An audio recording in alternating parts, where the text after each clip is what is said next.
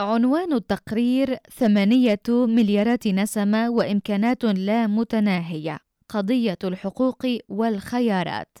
اختار صندوق الأمم المتحدة للسكان هذا العنوان على أساس ملاحظة معينة وهي أن الحكومات باتت تلجأ إلى اعتماد سياسات تهدف إلى زيادة معدلات الخصوبة أو خفضها أو الحفاظ عليها.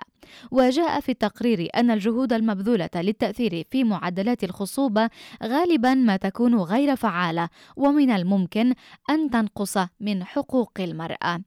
ورد في التقرير أن هناك 468 مليون نسمة في المنطقة العربية.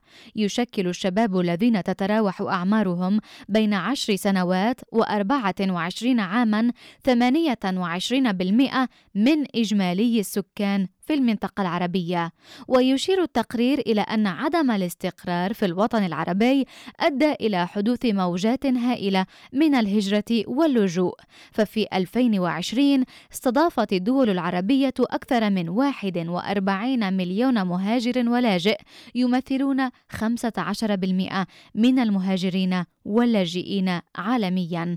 ومن المتوقع أن ترتفع النسبة بسبب الصراع في السودان. وعلى الرغم من انخفاض معدل الخصوبة الإجمالي في الدول العربية إلى 3.1 طفل لكل امرأة في عام 2023 إلا أن حجم السكان سيستمر في الازدياد ليصل إلى 521 مليونا في 2030 وأشار التقرير إلى أنه بالرغم من ذلك لم يؤدي الانخفاض في مستويات الخصوبة إلى الازدهار الاجتماعي والاقتصادي المنشور المنشود أو تحقيق المساواة ولم تتعدى نسبة مشاركة الإناث 20% في سوق العمل حسب بيانات منظمة العمل الدولية.